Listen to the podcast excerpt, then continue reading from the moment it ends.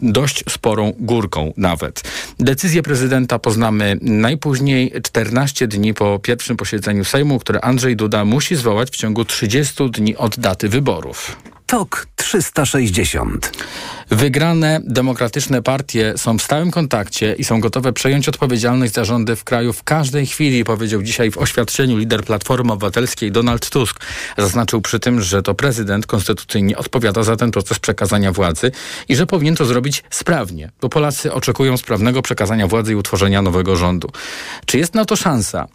To sprawdzał reporter TOK FM Maciej Kluczka. Prezydent ma do wyboru dwie opcje. Powierzyć misję tworzenia rządu PiSowi, jako partii, która zdobyła pierwsze miejsce w wyborczym wyścigu, ale nie ma większości w Sejmie, albo liderowi największej partii opozycyjnej, czyli Koalicji Obywatelskiej, który ma za sobą grupę ponad 230 mandatów poselskich, czyli właśnie sejmową większość, mówi profesor Tomasz Słomka z Uniwersytetu Warszawskiego. Prezydent, który działa jako odpowiedzialna głowa państwa, powierza misję tworzenia rządu temu politykowi czy temu przedstawicielowi tego ugrupowania lub zrzeszenia ugrupowań, które mają większość parlamentarną. To nie jest skomplikowane. Chyba, że chcemy bawić się w podchody i w poszukiwanie tych kolejnych kroków konstytucyjnych, tylko naprawdę nie wiem, do czego miałoby to zmierzać. Może to dać czas politykom PiSu, także nominatom PiSu w spółkach Skarbu Państwa na przygotowanie się do odejścia, mówi poseł Koalicji Obywatelskiej Arkadiusz Myrcha, ale przypomina, że wszelkie próby zacierania wcześniejszych kontrowersyjnych decyzji to działanie niezgodne z prawem. Jestem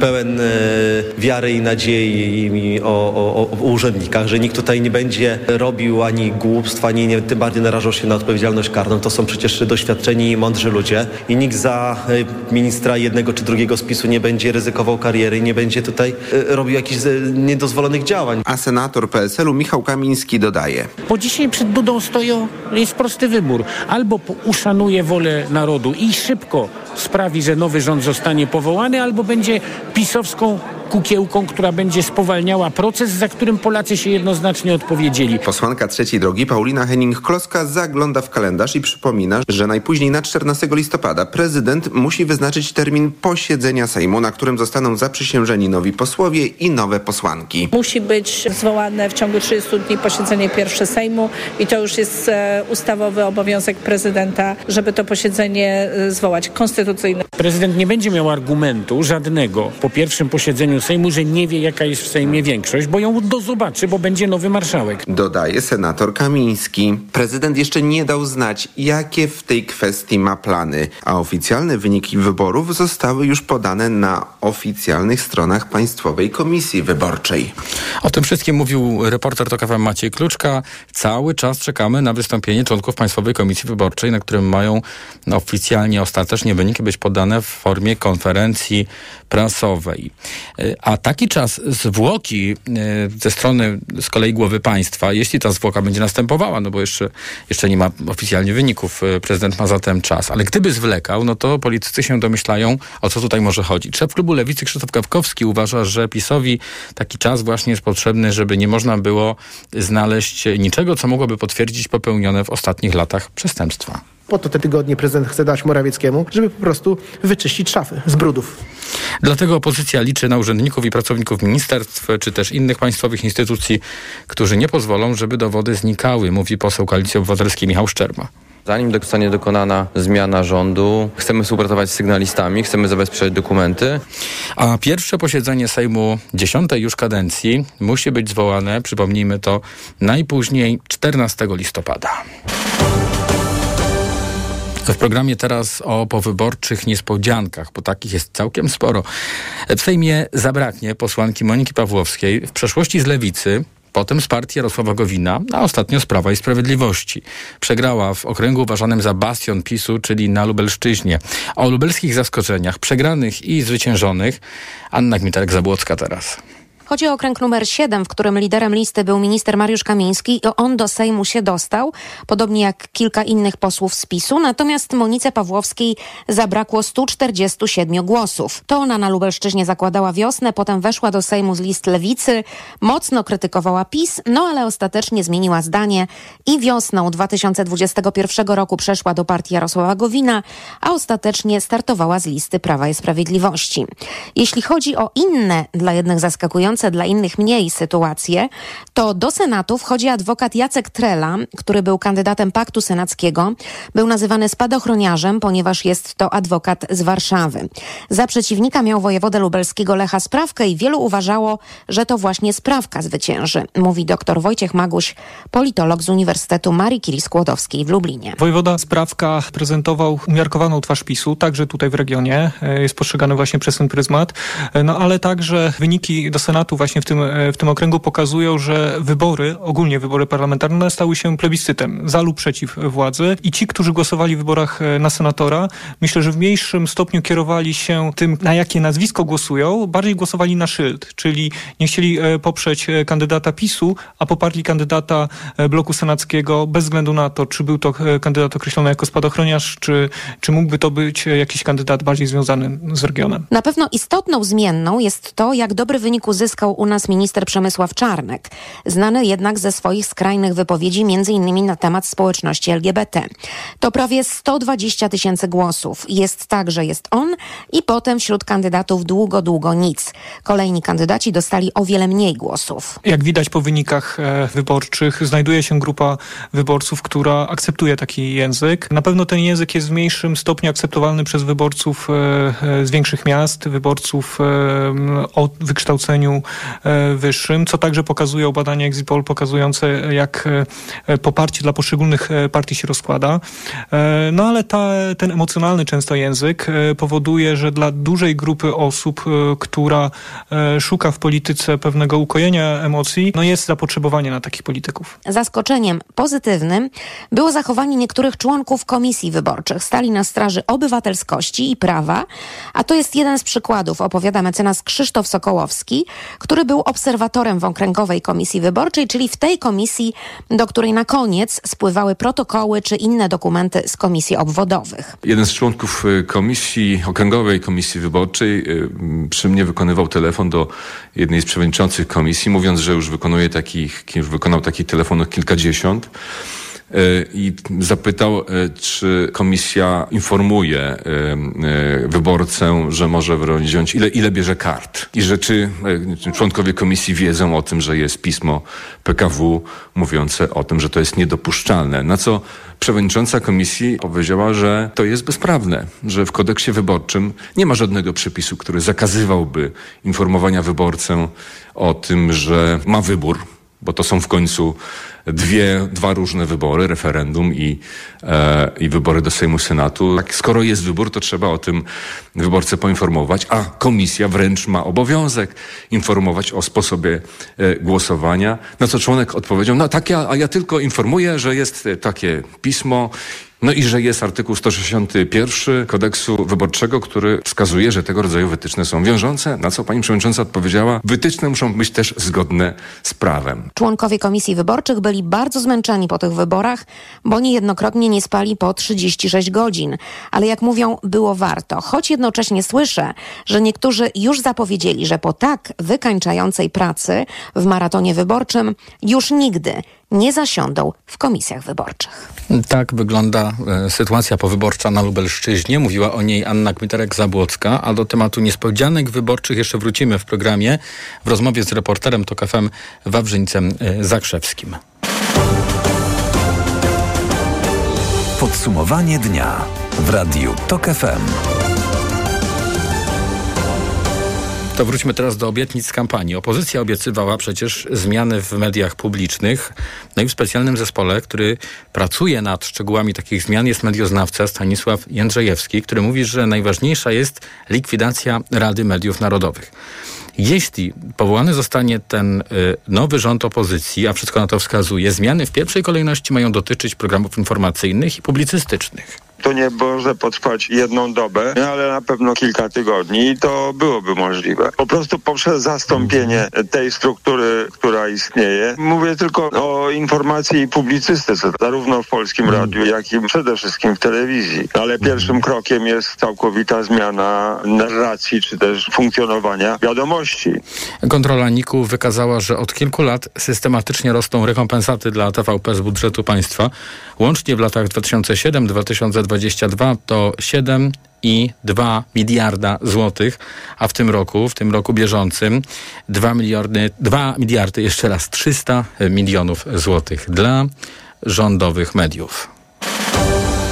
Nie żyje zamachowiec, który wczoraj wieczorem w Belgii zastrzelił dwóch Szwedów, a jednego ciężko ranił. 45-letni Tunezyjczyk zmarł dzisiaj w szpitalu po tym, jak został postrzelony przez policję. Służby dalej szukają jego wspólnika, który filmował ten atak.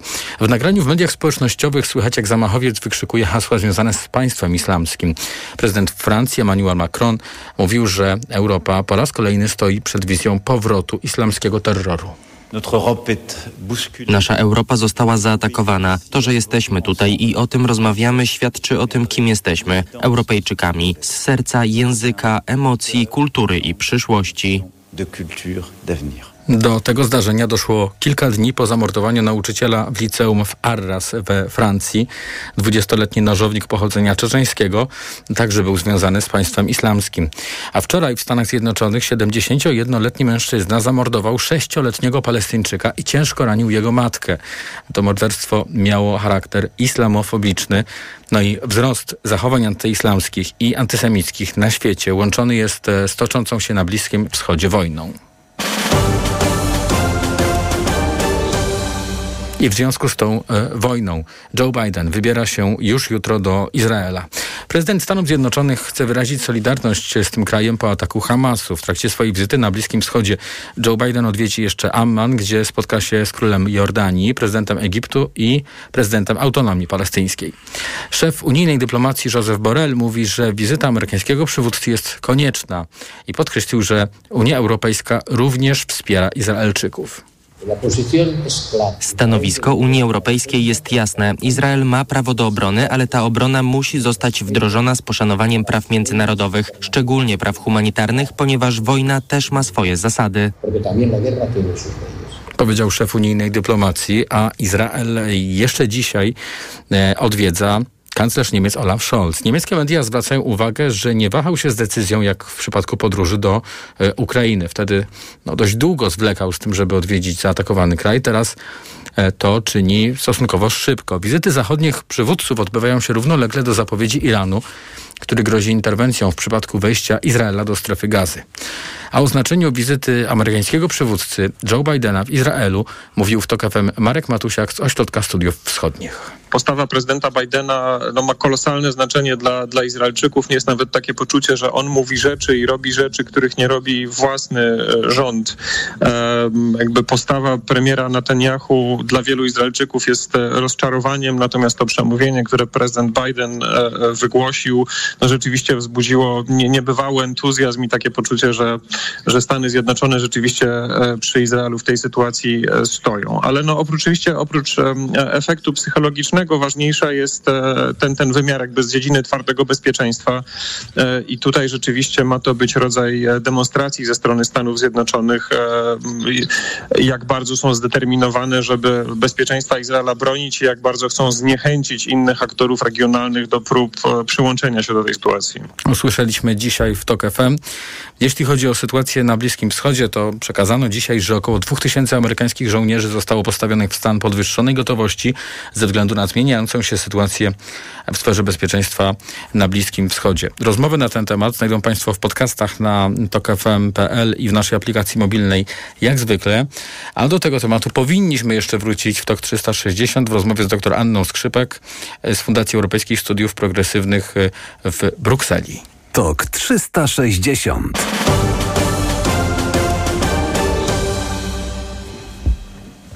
Już za chwilę będziemy dla Państwa transmitować konferencję Państwowej Komisji Wyborczej, no bo doczekaliśmy się w końcu tej konferencji, która jest o tyle ważna, że to będzie oficjalne przedstawienie wyników wyborów. Te wyniki, co prawda, już znamy, ponieważ przekazano, jak wyglądają dane ze 100% obwodowych komisji wyborczych, no ale trzeba przypieczętować jeszcze te wyniki. Słuchamy konferencji.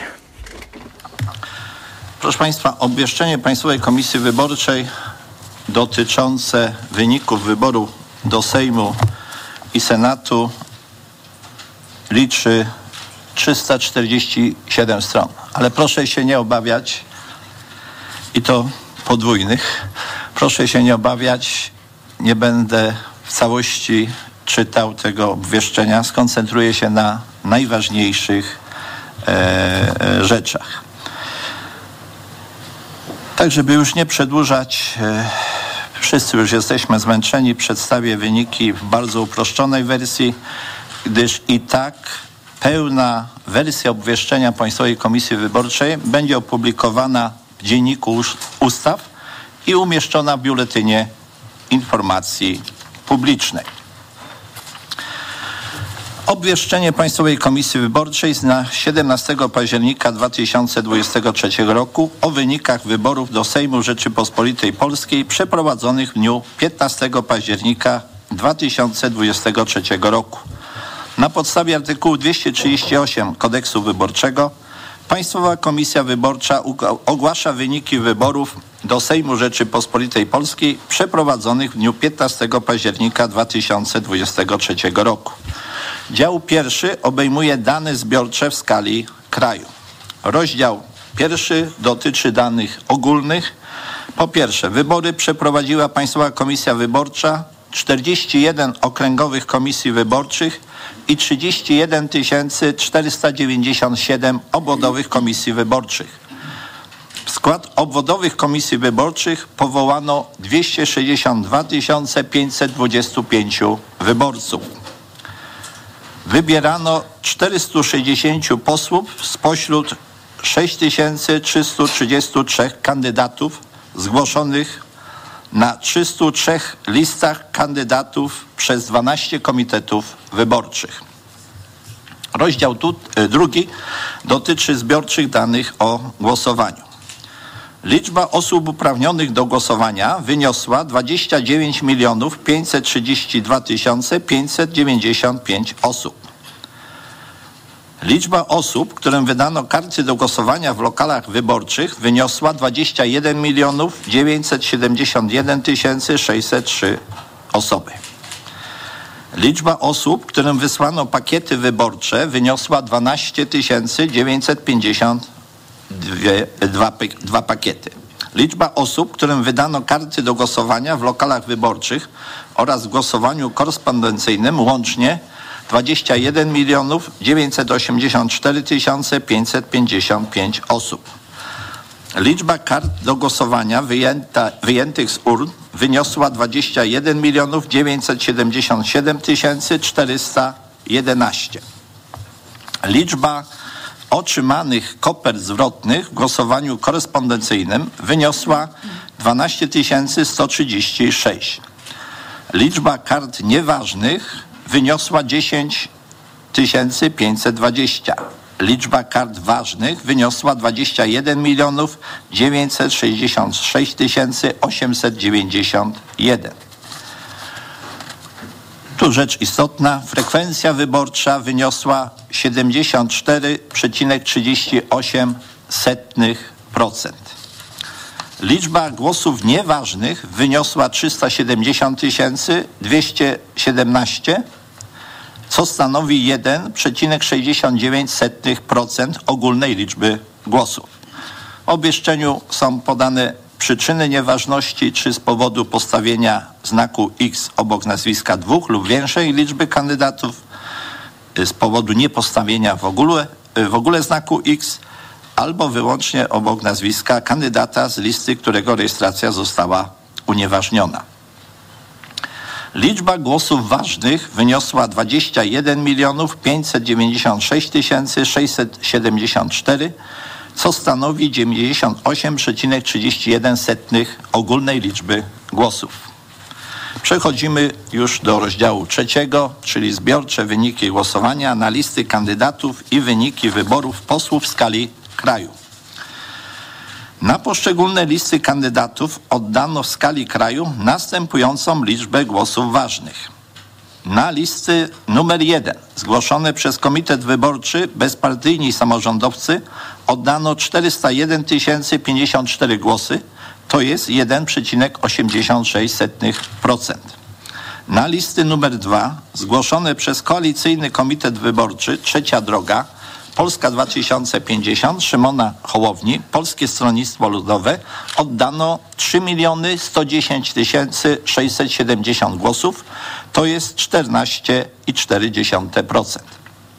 Na listy numer 3 zgłoszone przez Komitet Wyborczy Nowa Lewica oddano 1 milion 859 tysięcy 18 głosów, to jest 8,61%. Na listy numer 4 zgłoszone przez Komitet Wyborczy Prawo i Sprawiedliwość oddano 7 milionów 640 tysięcy 854 głosy, to jest 35,38%. Na listy numer 5 zgłoszone przez Komitet Wyborczy Konfederacja Wolność i Niepodległość oddano 1 milion 547 tysięcy 364 głosy, to jest 7,16%. Na listy numer 6 zgłoszone przez Koalicyjny Komitet Wyborczy Koalicja Obywatelska oddano 6 milionów 629 tysięcy 402 głosy, to jest 30,7%. Na listy numer 7 zgłoszone przez Komitet Wyborczy Polska jest jedna oddano 351 099 głosów, to jest 1,63%. Na listy numer 9 zgłoszone przez Komitet Wyborczy Wyborców Ruchu Dobrobytu i Pokoju oddano 24 850 głosów, to jest 12%. Na listy numer 10 zgłoszone przez Komitet Wyborczy Normalny Kraj oddano 4606 głosów, to jest 0,02%. Na listę numer 11 zgłoszoną przez Komitet Wyborczy Wyborców mniejszości, mniejszość niemiecka oddano 25 778 głosów, to jest 12%. Na listę numer 11 zgłoszoną przez Komitet Wyborczy Ruch Naprawy Polski oddano 823 głosy, to jest 0,04%. I na listę numer 11 zgłoszoną przez Komitet Wyborczy Antypartia oddano 1156 głosów, to jest 0,05%. Państwowa Komisja Wyborcza zgodnie z artykułem 231 paragraf 2 i przy uwzględnieniu artykułu 197 paragraf 1 kodeksu wyborczego stwierdziła, że warunki uprawniające do uczestniczenia w podziale mandatów spełniły następujące listy kandydatów. Lista Listy numer 2 zgłoszone przez Koalicyjny Komitet Wyborczy Trzecia Droga Polska 2050 Szymona Hołowni Polskie Stronnictwo Ludowe. Listy numer 3 zgłoszone przez Komitet Wyborczy Nowa Lewica. Listy numer 4 zgłoszony przez Komitet Wyborczy Prawo i Sprawiedliwość. Listy numer 5 zgłoszone przez Komitet Wyborczy Konfederacja Wolność i Niepodległość. Listy numer 6 zgłoszone przez Koalicyjny Komitet Wyborczy Koalicja Obywatelska PO, NIPL Zieloni. Lista numer 11 zgłoszona przez Komitet Wyborczy Wyborców Mniejszość Niemiecka. W podziale mandatów nie brały udziału następujące listy kandydatów, gdyż nie spełniły warunków określonych w artykule 196 paragraf 1 kodeksu wyborczego. Listy numer 1 zgłoszone przez Komitet Wyborczy Bezpartyjni Samorządowcy. Listy numer 7 zgłoszone przez Komitet Wyborczy Polska jest jedna. Listy numer 9 zgłoszone przez Komitet Wyborczy Wyborców Ruchu Dobrobytu i Pokoju. Listy numer 10 zgłoszone przez Komitet Wyborczy Normalny Kraj. Listy na, lista numer 11 zgłoszona przez Komitet Wyborczy Ruch Naprawy Polski. Lista numer 11 zgłoszona przez Komitet Wyborczy Antypartia. Listy komitetów wyborczych uprawnionych do uczestniczenia w podziale mandatów uzyskały w kraju następującą liczbę mandatów. Listy numer 2 zgłoszone przez Koalicyjny Komitet Wyborczy Trzecia Droga Polska 2050 Szymona Hołowni Polskie Stronnictwo Ludowe uzyskały 65 mandatów. Listy numer 3 zgłoszone przez Komitet Wyborczy Nowa Lewica uzyskały 26 mandatów. Listy numer 4 zgłoszone przez Komitet Wyborczy Prawo i Sprawiedliwość uzyskały 194 mandaty. Listy numer 5 zgłoszone przez Komitet Wyborczy Konfederacja Wolność i Niepodległość uzyskały 18 mandatów. Listy numer 6 zgłoszone przez Koalicyjny Komitet Wyborczy Koalicja Obywatelska PON i PL Zieloni uzyskały 157 mandatów. Lista numer 11, zgłoszona przez Komitet Wyborczy Wyborców Mniejszość Niemiecka, nie uzyskała mandatu. I proszę Państwa, teraz przejdę, ale już w wersji takiej uproszczonej, do przedstawienia wyników głosowania i wyników wyborów w okręgach wyborczych. Dla przypomnienia, takich okręgów wyborczych mamy 41. Jeżeli chodzi o okręg wyborczy numer 1, w tym okręgu wybierano 12 posłów, zarejestrowano 7 list ze 157 kandydatami. Liczba osób uprawnionych do głosowania wynosiła 716 400 e, osób. Liczba kart do głosowania wyjętych z ur wyniosła 512 500 głosów. Liczba kart ważnych 511 832 i w tym okręgu numer 1 frekwencja wyborcza wyniosła 71,45%. Liczba głosów ważnych wyniosła 501 870, co stanowiło 98,05 ogólnej liczby głosów. Nie będę już przedstawiał, ile poszczególni kandydaci uzyskali. Najistotniejsze jest kwestia, kto został wybrany. Jeżeli chodzi o wyniki wyborów w okręgu wyborczym numer 1, następujące listy kandydatów otrzymały mandaty. Liście numer 2, zgłoszonej przez Koalicyjny Komitet Wyborczy Trzecia Droga Polska 2050 Szymona Hołowni, Polskie Stronnictwo Ludowe, na którą oddano 53 958 głosów, przypadł jeden mandat. Posłem z tej listy został wybrany kandydat, który otrzymał największą liczbę głosów. Mianowicie Tadeusz Samborski 16 120. To decyzja, w, decyzja wyborców w pierwszym okręgu wyborczym i moglibyśmy tak jeszcze bardzo długo słuchać o tych okręgach, ale no, Państwo się domyślają, że teraz właśnie będą podawane e, informacje dotyczące poszczególnych okręgów. My e, to wszystko oczywiście śledzimy dla Państwa, e, ale już za chwilę Przejdziemy do komentarza powyborczego. Moim Państwa gościem będzie Wojciech Hermeliński, sędzia Trybunału Konstytucyjnego w stanie spoczynku, były przewodniczący Państwowej Komisji Wyborczej. Podsumujemy te wybory dla Państwa. TOK 360 Reklama. Urodzinowe okazje cenowe w MediaMarkt. Głośnik Bluetooth JBL Xtreme 2 za 749 zł. Taniej o 80 zł. Najniższa cena z 30 dni przed obniżką to 829 zł. A laptop HP 14S z procesorem AMD Ryzen 5 5625U za 59 zł i 98 groszy miesięcznie w 40 równych ratach. RRSO 0% i do maja nie płacisz. Kredyt udziela Bank BNP Paribas po analizie kredytowej. Szczegóły w sklepach i na MediaMarkt.pl. Jesienne oferty specjalne Opla w atrakcyjnym finansowaniu. Skorzystaj już teraz i odjedź swoim nowym Oplem. Dowiedz się więcej na opel.pl lub odwiedź swojego najbliższego dealera Opla. Kochana babciu, to już prawie dwa lata. Jest mi smutno, że nie mogę wrócić do siebie. Tu nie spadają, bo mamy co jeść, ale to nie to samo, co w Ukrainie. Mama pracuje, uczymy się polskiego, próbuje zapomnieć wojnę. Stowarzyszenie SOS Wioski Dziecięce pomaga dzieciom, które cierpią przez wojnę. Wesprzyj na www.sosdzieciukrainy.org. BMW do kreowania lepszego jutra napędza nas odwaga i pasja tworzenia. To dzięki nim od lat dajemy radość z jazdy. Tym większą, jeśli jest w 100% elektryczna. Już dziś możesz dokonać wyboru bez żadnych kompromisów. Teraz wszystkie elektryczne modele BMW dostępne są w promocyjnym leasingu 101%. Wybierz BMW iX z pakietem sportowym, przestronne BMW iX1 lub sportowe coupé BMW i4. Szczegóły w salonach i na bmw.pl. BMW. Radość z jazdy. 100% elektryczna. Co można kupić za 40 groszy? Dwie kostki czekolady, pół jajka albo dzienną porcję witamin i minerałów, bo tylko tyle kosztuje jedna tabletka ActiVitaminer Senior D3. Suplementy diety ActiVitaminer Senior D3 to witaminy i minerały wzbogacone aż o 2000 jednostek witaminy D3, tak potrzebnej jesienią i zimą. ActiVitaminer Senior D3 znajdziesz w swojej aptece w bardzo dobrej cenie. Witamina D pomaga w prawidłowym funkcjonowaniu układu odpornościowego. Aflofarm. Więcej na vitaminer.pl Wiadomość z ostatniej chwili. W salonach Toyoty ruszyła właśnie sezonowa wyprzedaż. Nowe auta dostaniesz na niej w niesamowitej ofercie. Na przykład designerski SUV o ponadczasowej stylistyce i z nowoczesnym napędem hybrydowym Toyota CHR Hybrid. Możesz teraz mieć z korzyścią nawet do 13 200 zł, a do tego uwaga, niemalże od ręki. Pospiesz się.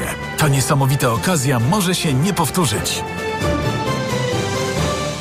Reklama. TOK 360.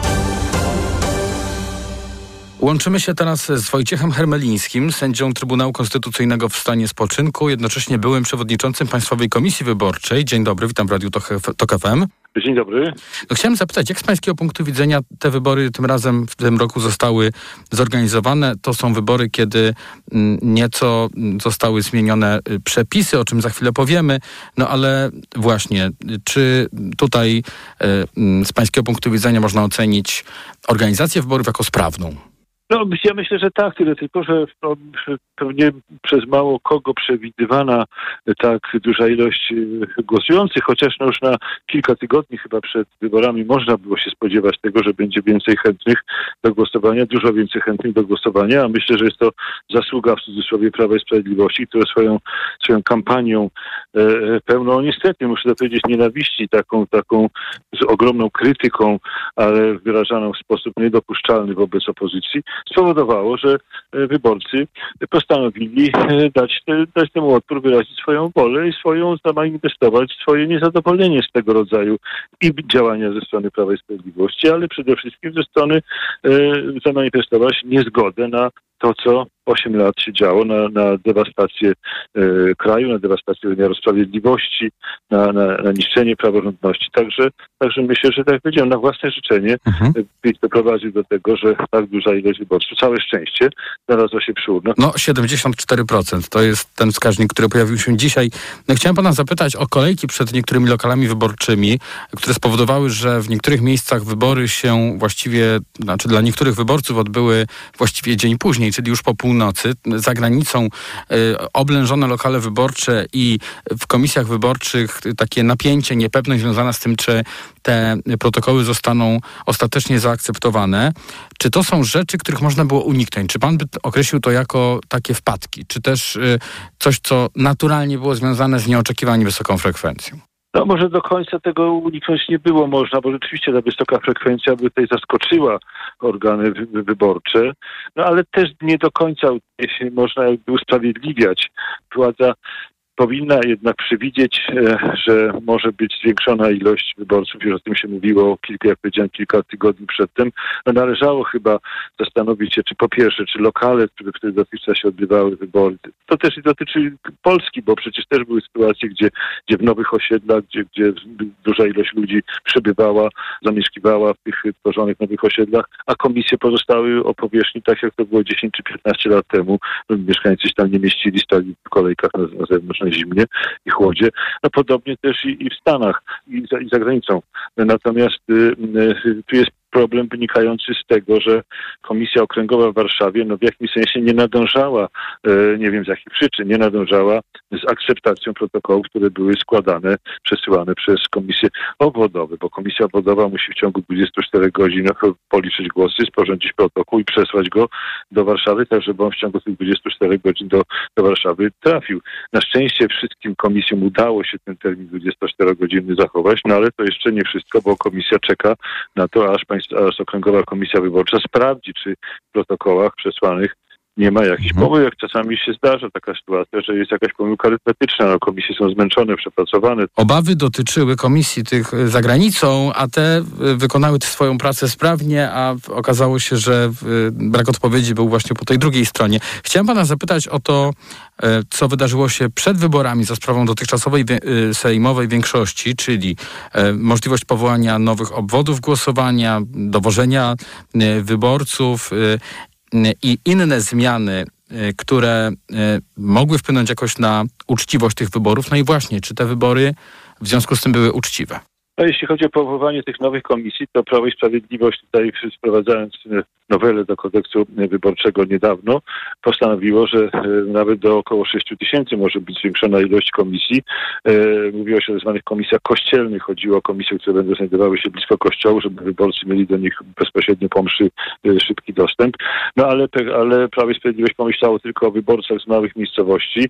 Szczególnie tutaj chodzi o te regiony południowe, wschodnie, tam gdzie większość wyborców to są, to są zwolennicy Prawa i Sprawiedliwości. No więc oczywiście dla mnie jest oczywista intencja była, żeby, ażeby przysporzyć korzyści władzy rządzącej. Nie I pomyślano... to zadziałało w ten sposób, jak pan sądzi? Czy to w ogóle widzimy efekty no, tego? Chyba nie, chyba nie zadziałało, bo jak patrzymy na, na wyniki, na wyniki y, y, podawane przez Państwową Komisję Wyborczą, ilość mandatów, no to raczej nie zadziałało. Czyli to, to tutaj jakby też na, na swoją niekorzyść chyba tu prze, przesadziło, przedobrzyło Prawo i Sprawiedliwość, ale nie pomyślało o zwiększeniu na przykład komisji wyborczych w dużych aglomeracjach. Wych- Wychodzi, wychodzono z założenia, że tam sobie wyborcy poradzą, że mają wszędzie blisko do, do lokali wyborczych. Może tak, ale z kolei lokale były małe, niedostosowane, tak jak już wspominałem, do ilości nowo zamieszkałych, nowo przybyłych mieszkańców w różnych dzielnicach, przecież które się rozbudowują. Zresztą zmiany, zmiany przecież ludnościowe, no co, coraz więcej ludzi z małych miejscowości emigruje do dużych miast, no więc trzeba było pomyśleć o tym. A nie uwzględniono Myśmy- tego przy podziale mandatów i to też chyba intencjonalnie. No ja też, ja też tak uważam oczywiście, a nie jest to przypadek. Mhm. E, Jeszcze krótko na koniec. Pan spodziewa się protestów, może inaczej, zasadnych e, protestów e, wyborczych tym razem? No, pierwotnie, pierwotnie wydawało się, że będzie dużo protestów wyborczych za granicą w sytuacji, gdyby e, z uwagi na tak krótki termin, 24-godzinny termin przewidziany na wszystkie czynności komisji, e, że nie będzie dotrzymany. Na szczęście one zostały dotrzymane, także z tego powodu pewnie e, protestów nie będzie, bądź będzie niewiele, być może z innych powodów. No będzie wiele pewnie protestów tutaj od wyborców, którzy głosowali w kraju, tak jak to było i w ostatnich wyborach i prezydenckich parlamentarnych, dotyczących samej kampanii, która przecież była rażąco nierówna, z tą rażącą przewagą po stronie władzy, te wszystkie, te wszystkie e, wjazdy poszczególnych członków rządu po, po kraju, te wszystkie e, finansowe wsparcia. Ale jest ryzyko powtórzenia głosowania w związku z tym? Chyba nie. nie, nie, nie sądzę zresztą. Zresztą myślę, że nawet osoby, które no, chciały czy planowały złożyć protest wyborczy, no widząc, myślę, myślę przede wszystkim o wyborcach, którzy głosowali na opozycję. E, myślę, że pewnie może poniechają nawet tego, skoro, skoro opozycja te, te, wy- może te wybory władzę wygrała, więc, więc myślę, że może tych protestów będzie niewiele, ale co do zasady, to oczywistym jest dla mnie, że rażąca nierówność y, powinno na pewno by generowała masę, masę protestów w sytuacji, gdyby okazało się, że y, Prawo i Sprawiedliwość jest w stanie powołać, powołać rząd, bo, bo doszło, bo jednak w moim przekonaniu doszło do tego, doszłoby do tego drogą nieuczciwą. Nie po raz pierwszy, nie po raz pierwszy, na szczęście mam nadzieję, że ostatni, e, władza obecna tak prowadziła kampanię w taki sposób, z taką przewagą i, i jeśli chodzi o środki masowego przekazu i, i finanse, e, że e, no, nie można tu o żadnej równości stron. Bardzo dziękuję. Wojciech Hermeliński, sędzia Trybunału Konstytucyjnego w stanie spoczynku, były przewodniczący Państwowej Komisji Wyborczej, był razem z nami. Jeszcze raz dziękuję, Dziękuję a TOK 360 wraca za chwilę. Reklama. RTV Euro AGD. Uwaga! Jeszcze tylko dziś super weekend. Obniżki na wybrane produkty. Na przykład odkurzacz pionowy Philips 8000 do 70 minut pracy. Najniższa cena z ostatnich 30 dni przed obniżką to 1549. Teraz za 1499 zł. I dodatkowo do 40 lat 0% na cały asortyment. RRSO 0%. Szczegóły i regulamin w sklepach euro i na euro.com.pl. Porozmawiajmy o zakładaniu firmy. Jest z nami Radek Kotarski. Panie Radku, czy zna pan słowo infakt? Oczywiście, że tak. Co to znaczy infaktować? Infaktować to prowadzić firmę bez zmartwień. A ten, kto infaktuje? Ten wystawia faktury w aplikacji Infakt, a księgowy z Infaktu dba o porządek w księgowości. Infaktycznie. Załóż firmę bezpłatnie i bez wychodzenia z domu na infakt.pl. Infakt. Zakładanie firm i księgowość w jednym miejscu. Polecamy. Wodek Markowicz i Radek Kotarski. Targi książki Empiku. Teraz w salonach aż 60% na drugą tańszą książkę. A na empik.com 10 zł rabatu przy zakupach książek za minimum 100 zł. Promocje dotyczą wybranych tytułów. Szczegóły w regulaminie. A na Facebooku Empiku premierowe spotkania z autorami. Empik. Rutozyt ze składnikami wspierającymi odporność to moja tarcza ochronna jesienią i zimą. Nie zrezygnuję z niej, ale mogę ją wzmocnić, biorąc Rutina C Max C1000, bo ma mega dawkę witaminy C. Suplement diety Rutina C Max C1000 w jednej tabletce zawiera rutozyt i sprawdzone substancje wspierające odporność, cynk, selen i witaminę D3, a do tego aż 1000 mg witaminy C. Rutina C Max C1000 to połączenie dwóch świetnych sposobów na odporność. Rutina C Max C1000. Odporność na potęgę. Aflofarm. Vitrum D3 przedstawia Niby jesień, Polska, złota, a za oknem plucha, słota. Noszę kaptur i skarpety, wszystko mokre już niestety. Facet obok w twarz mi kicha, każdy smarka, głośno wzdycha. Zimno wieje, słońca brak, niech tę jesień trafi szlak. A ja mam to w D, bo mam Vitrum D. Z suplementami diety Vitrum D3 i Vitrum Odporność jestem odporny na jesień i zimę. Vitrum D3, witamina D od Orifarm. Co można kupić za 40 groszy? Dwie kostki czekolady, pół jajka albo dzienną porcję witamin i minerałów, bo tylko tyle kosztuje jedna tabletka ActiVitaminer Senior D3. Suplementy diety ActiVitaminer Senior D3 to witaminy i minerały wzbogacone aż o 2000 jednostek witaminy D3, tak potrzebnej jesienią i zimą. ActiVitaminer Senior D3 znajdziesz w swojej aptece w bardzo dobrej cenie. Witamina D pomaga w prawidłowym funkcjonowaniu układu odpornościowego. Aflofarm. Więcej na vitaminer.pl. Przeceny na urodziny w Media Expert. Smartfony, laptopy, ekspresy, odkurzacze bezprzewodowe, lodówki w super niskich cenach. Włączamy niskie ceny. Pani dietetyk, często się pocę. Miewam wahania nastroju. To może być menopauza. Proszę zastosować tabletki Klima Forte. Menopauza? Przecież ja jeszcze miesiączkuję. Tak, ale poziom estrogenów zwykle spada już po 40 roku życia, co może powodować objawy menopauzy. Dlatego zawarty w Klimei wyciąg z szyszek chmielu łagodzi symptomy menopauzalne teraz, jak i przez cały jej okres. Dzięki Klimei zapomniałam o uderzeniach gorąca i nocnych potach. Suplement diety Klimea Forte. Menopauza lżejsza niż myślisz. Aflofarm. Warzywa frosty. Wiemy, co robić, by zachowały świeżość i najlepszy smak. Mrozimy je tuż po zbiorach. A ty, wiesz, co z nimi zrobić? Może zapiekankę? Warzywa frosty. Jest pysznie. Frosta. Smaczna i prosta. Let's party w Mediamarkt! Sprawdź urodzinowe okazje cenowe w Mediamarkt. Smartfon Oppo A38 w zestawie ze słuchawkami Oppo Enco Buds 2 za jedyne 799 zł. Let's party! Mediamarkt. Reklama. TOK 360. To podsumowanie dnia w Radiu Tok FM. Teraz już łączymy się z Wawrzyńcem Zakrzewskim, dziennikarzem Radia Tok FM. Witaj. Dobry wieczór. Porozmawiamy o największych zaskoczeniach, niespodziankach wyborczych i spoglądam na moją listę, jestem bardzo ciekaw twojej. E, Tadeusz Cymański, no nie będzie go już w parlamencie. E, Bardzo charakterystyczna postać. Włodzimierz Czazas, Czarzasty właściwie o włos dostał mandat, a to przecież jeden z liderów e, przyszłego koalicyjnego ugrupowania. No i Iwona Śledzińska-Katarasińska, która po tylu latach w parlamencie, bo w 1991 roku zdaje się pojawiła się w Sejmie po raz pierwszy, no, tym razem mandatu nie otrzymuje. Jak u ciebie to wygląda na liście? No, ta lista jest y, długa, bo sporo mm, posłów i posłanek y, w nowym parlamencie się nie pojawi, ale też mamy mm, tych y, nowych, którzy pierwszy raz na wiejskiej się zjawią. Wśród tych, którzy się nie zjawią, jeszcze nie wiem, no można wymienić chociażby Hannę Gil-Piątek, która startowała z listy Koalicji Obywatelskiej. E, Macieja Gdule z Lewicy, który e, się w tym razem e, nie dostał. Są też panowie Sośnierzowie, ju- junior i senior, którzy także już w Sejmie się nie pojawią w tej najbliższej kadencji. Natomiast e, co do wspomnianego przez ciebie Włodzimierza Czarzastego, no to warto może zacząć e, zapamiętywać nazwisko tego e, popularnego sosnowieckiego radnego, który, e, który wygrał. Łukasz Litewka.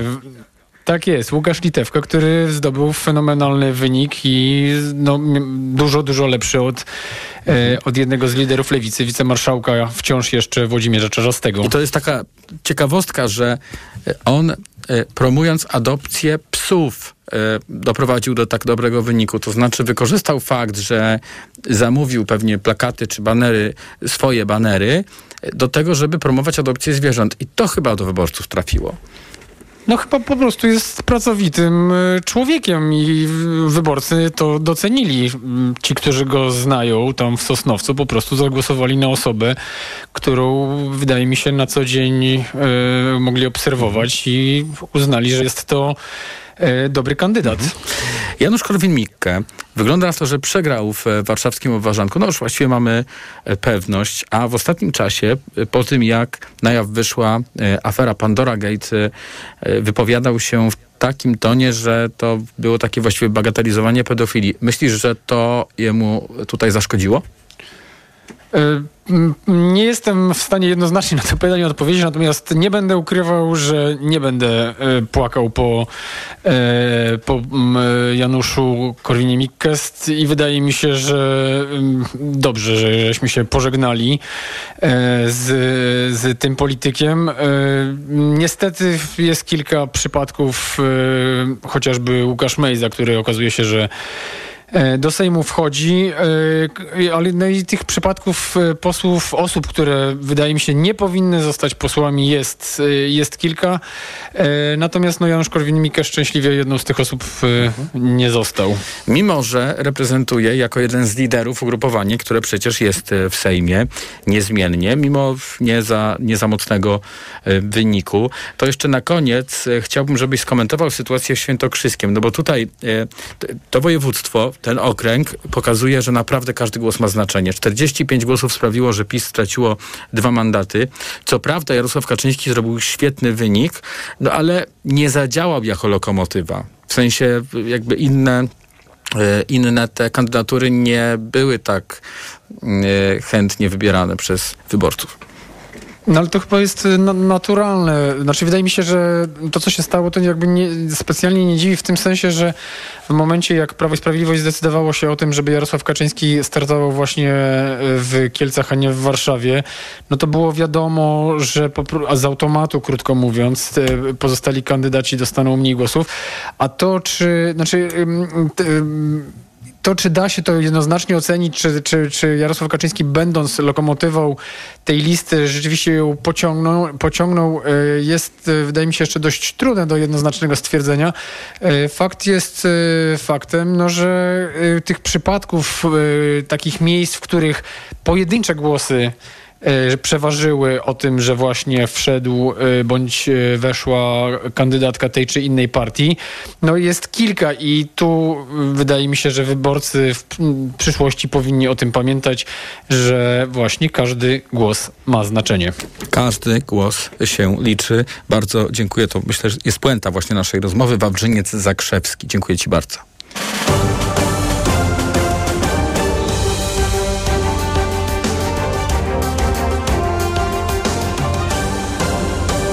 Razem z nami teraz Krzysztof Luft, były członek Krajowej Rady Radiofonii i Telewizji, członek Rady Programowej TVP. Dzień dobry, właściwie dobry wieczór. Kłaniam się, witam wszystkich. Witam pana w e, podsumowaniu dnia. To będzie rozmowa o powyborczej rzeczywistości e, tej e, medialnej.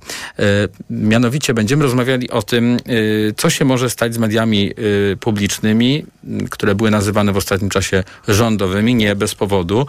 Wirtualne media piszą o takim pomyśle, aby wprowadzić zarząd komisaryczny. Na czym to miałoby wyglądać i czy to rzeczywiście ma szansę się udać? Trzeba zapytać wirtualnych mediów. No tak, ale y, pan na pewno zna pomysł, który został na łamach tego portalu opisany i y, proszę powiedzieć, y, no jakby pan te zapowiedzi skomentował. Ja znam różne możliwości, ja powiem panu jedno. E, oczywiście po powstaniu rządu, mm, który utworzył partie obecnie jeszcze opozycyjne, które wygrały wybory, no to nie można sobie wyobrazić, że pozostanie taka prawda propagandowa szczujnia, jaka była do tej pory przez 8 lat, żeby ona funkcjonowała. W związku z tym to musi ulec radykalnej zmianie. Natomiast jak to będzie przeprowadzone w sensie formalnym i prawnym, no to oczywiście ja panu nie powiem. Mhm. E, jak pan włącza telewizję y, polską... Czy jak to może być przeprowadzone, mhm. bo jest różne są możliwości. E, a w, jaką by pan wskazywał jako najskuteczniejszą, gdyby pan miał y, y, o tym decydować? Dobra, poproszę następne pytanie. A w takim razie, jakie poza tym zarządem komisarycznym mogą tutaj opcje wchodzić w grę? No poproszę o następne pytanie. Ja nic nie mówiłem o żadnym zarządzie komisarycznym. Pan to przeczytał w, na portalu wirtualnej Polski. Mhm. A proszę powiedzieć, jak pan włącza teraz e, telewizję e, publiczną, telewizję polską, czy też kanały Polskiego Radia, to ma pan e, wrażenie, że coś się zmieniło, że te media No już... Tak, oczywiście, oczywiście, że tak. Oczywiście dzisiaj włączyłem TVP Info przez godzinę, czy nawet półtorej godziny miałem tutaj włączone i ani razu nie, nie było nic o Niemcach, o zdrajcach, o agentach, o zdrajcach, którzy sprzedają Polskę Putinowi. No, nie wiadomo, co się tam dzieje w ogóle w tej, te, tej stacji, bo przez ostatnie miesiące to był po prostu jeden nieustający taki e, hejt, e, można powiedzieć taki spod wyborczy Prawa i Sprawie- Sprawiedliwości w najgorszym gatunku. No a to oczywiście się w tej chwili e, skończyło. No, pff, no ale to, to nie zmienia faktu, że tak czy inaczej tam musi nastąpić e, radykalna zmiana. A co w tej chwili z, z pańskiej wiedzy, a y, wiem, że, czy też domyślam się, że pan y, ma y, jakby taki obraz tego, co się dzieje w mediach publicznych, jakiś taki popłoch w, wśród pracowników mediów publicznych w tej chwili e, zapanował? Tak, do mnie docierają takie sygnały, ale wie pan, no ja nie jestem w środku, jestem członkiem Rady Programowej TVP, ale to jest ciało zewnętrzne właściwie, chociaż jest organem spółki, no ale to są osoby, które są tam rekomendowane w dużej części e, przez e, e, kluby parlamentarne opozycyjne, również ja jestem taką osobą, więc no nie mam takiego bezpośredniego wglądu w środek, ale no na pewno coś takiego musi mieć miejsce, wie pan, no oni narobili coś tak potwornego przez ostatnie 8 lat, tak bezczelnego, tak nieporównywalnego z niczym, co się przedtem działo. Oczywiście ja jestem człowiekiem doświadczonym, jeśli chodzi o media publiczne ja wiem, że w ciągu minionych tam e, od 93 roku, kiedy one w Polsce powstały, bywały sytuacje takie, że różne środowiska polityczne, nie zawsze władza, czasem opozycja, starały się tam coś ugrać, prawda, jakieś swoje interesy. Ale nikt nie przyszedł, nie powiedział, że e, te zasady, które są zapisane w ustawie, które mówią o niezależności, bezstronności, e, obiektywizmie, rzetelnym przedstawianiu rzeczywistości, że one już nie obowiązują, a oni to zrobili. Oni powiedzieli, że już nie obowiązują, no i to było otwarcie drogi do jakiejś absolutnej groteski, która się tam odbywała. Mhm. Biorąc pod uwagę takie różne zapisy ustawowe, misje mediów publicznych, to czy możemy mówić o tym, że do tej pory osoby, które kierowały mediami e, rządowymi, e, bo jeszcze tak będę je nazywał, e, po prostu łamały prawo i że można kogoś e, pociągnąć za to do odpowiedzialności? Wie pan, no w pewnym sensie tak, dlatego, ale to dotyczy głównie, no tak, dlatego, że jednak są zapisy, artyku- zapisy ustawy o radiofonii i telewizji, które właśnie definiują misję mediów publicznych. W artykule 21 zresztą one się znajdują i tam jest mowa o bezstronności, o obiektywizmie, e, o, mm, o niezależności, o rzetelnym przekazywaniu e, tego, co No tak, te media się też muszą tłumaczyć, czy też musiały do pewnego momentu z parytetu udziału polityków w, me, w au- audycjach nadawanych przez te One media. nadal się tłumaczą, to znaczy to, te, te dane są nadal podawane, e, jeśli chodzi o e, udział e, i czasy. e, To jest, takie, to jest takie rozporządzenie, które istnieje już od wielu, wielu lat, właściwie dziesiątków lat.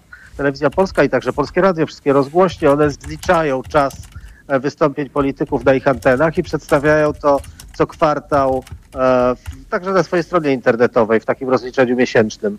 E, No test, ta, ta, mm, ta proporcja była zachwiana w nieprawdopodobnym stopniu. To znaczy to było tak, że w ostatnich kwartałach ja to też e, patrzyłem, dokładnie się temu przyglądałem, to, to było 80% to byli przedstawiciele władzy, a tylko 20% przedstawiciele opozycji.